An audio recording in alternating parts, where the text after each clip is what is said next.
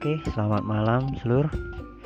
Di episode ini saya tertarik untuk membahas tentang dunia pendidikan dengan mengangkat tema tentang analisis media sosial.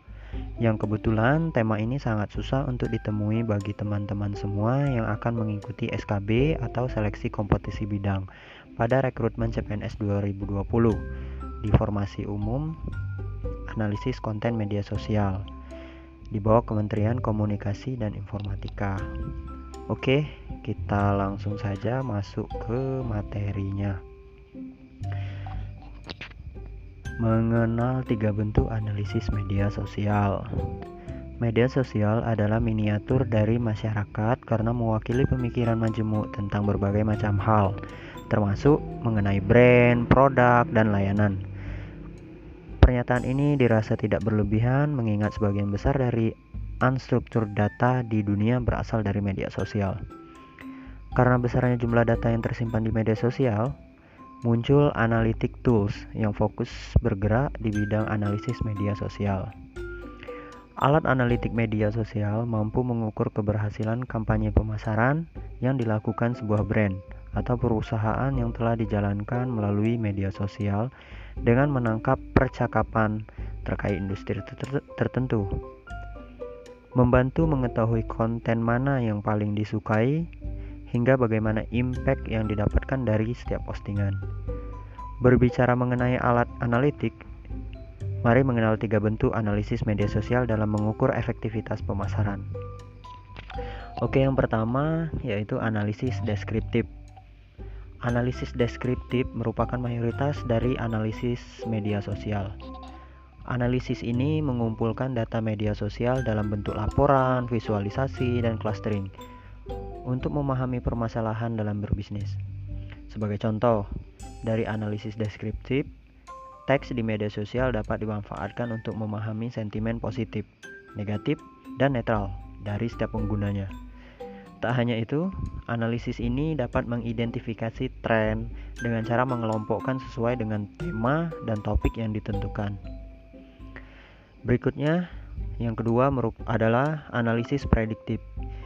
Beralih dari analisis deskriptif, analisis prediktif digunakan untuk memprediksi apa yang akan terjadi di masa depan. Contohnya, aktivitas pengguna media sosial seperti pendapat atau rekomendasinya akan sesuatu dapat dianalisis untuk memprediksi peristiwa di masa depan. Contohnya, seorang manajer bisnis mampu memprediksi angka penjualan berdasarkan jumlah kunjungan ke sebuah situs. Dengan analisis prediktif juga, pelaku bisnis bisa menentukan waktu yang tepat untuk mempublikasikan konten di media sosial dengan melihat waktu paling aktif audiens mereka dalam mengakses media sosial. Sebuah brand dapat memperkirakan tanggapan masyarakat akan sebuah produk yang baru akan diluncurkan sekaligus mengurangi kekhawatiran produk tidak diterima dengan baik oleh masyarakat. Berikutnya yang ketiga, analisis preskriptif. Jika analisis prediktif menolong dalam memprediksi masa depan, analisis preskriptif memberi rekomendasi tindakan terbaik ketika menangani sebuah kasus. Sebagai contoh, jika Anda memiliki kelompok pengguna media sosial yang menunjukkan pola-pola perilaku tertentu, maka tantangannya adalah bagaimana cara Anda mengoptimalkan pemasaran produk Anda kepada setiap kelompok. Dari ketiga analisis tersebut, data di media sosial lebih dari sekedar perhitungan jumlah follower Analisis yang baik mampu menjadikan data media sosial sebagai masa depan dari sebuah bisnis. Good luck.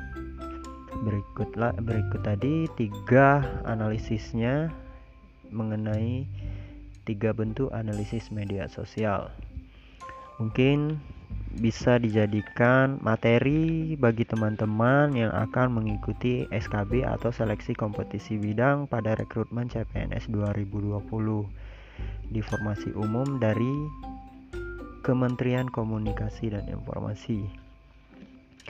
Oke. Jangan lupa ikuti terus siaran kita, semoga bermanfaat.